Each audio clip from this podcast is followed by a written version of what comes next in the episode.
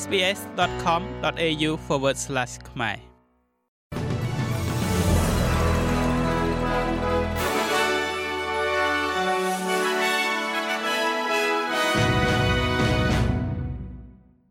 សូមស្វាគមន៍មកកាន់នេតិព័ត៌មានខ្លីៗរបស់ SBS ខ្មែរសម្រាប់ថ្ងៃច័ន្ទទី5ខែកុម្ភៈឆ្នាំ2024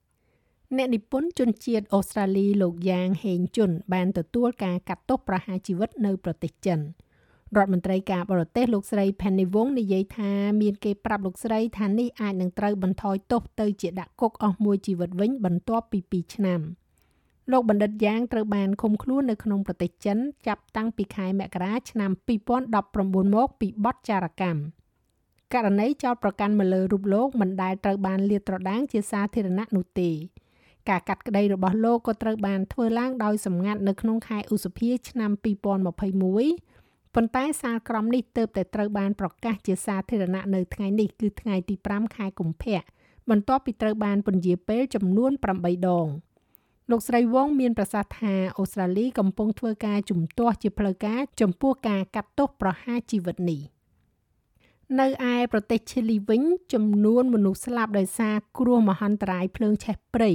កំពុងតែកើនឡើងជាមួយនឹងមនុស្សយ៉ាងហោចណាស់99នាក់ត្រូវបានរាយការណ៍មកថាបានស្លាប់និងរាប់រយនាក់ទៀតនៅតែបាត់ខ្លួន។អ្នកស្រុកបានចាប់ផ្ដើមពិនិត្យការខូចខាតដោយសង្កាត់ទាំងមូលត្រូវបានដុតបំផ្លាញនៅក្នុងទីក្រុងឆ្នេរសមុទ្រ Vinya Delma លោកប្រធានាធិបតី Gabriel Boric បានប្រមានថាប្រទេសនេះប្រឈមមុខទៅនឹងសោកនាដកម្មក្នុងទំហំដ៏ធំធេង ហើយនិយាយថាប្រជាជនឈីលីត្រូវតែត្រៀមខ្លួនសម្រាប់ព័ត៌មានអាក្រក់បន្ថែមទៀតអាញាធរបានដាក់បំរាមកោចរនៅម៉ោង9យប់និងបានហៅឲ្យកងកម្លាំងយោធាចូលមកខណៈដែលឧទ្ធម្ភាគចក្រពន្លត់អគិភ័យកំពុងប្រយុទ្ធនឹងភ្លើងឆាបឆេះយ៉ាងសន្ធោសន្ធៅជាង90កន្លែង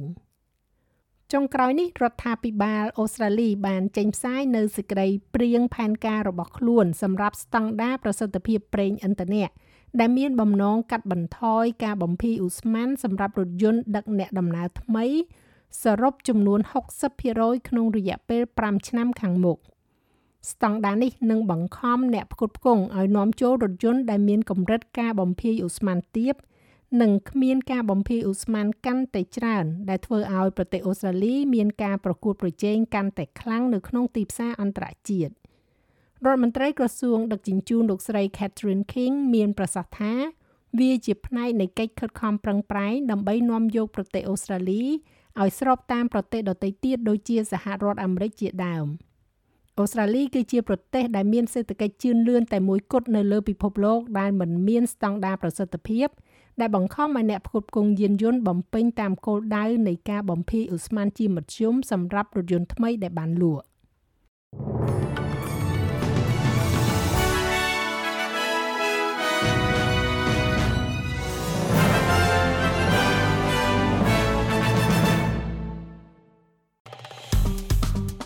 ចុច like share comment និង follow SBS ខ្មែរនៅលើ Facebook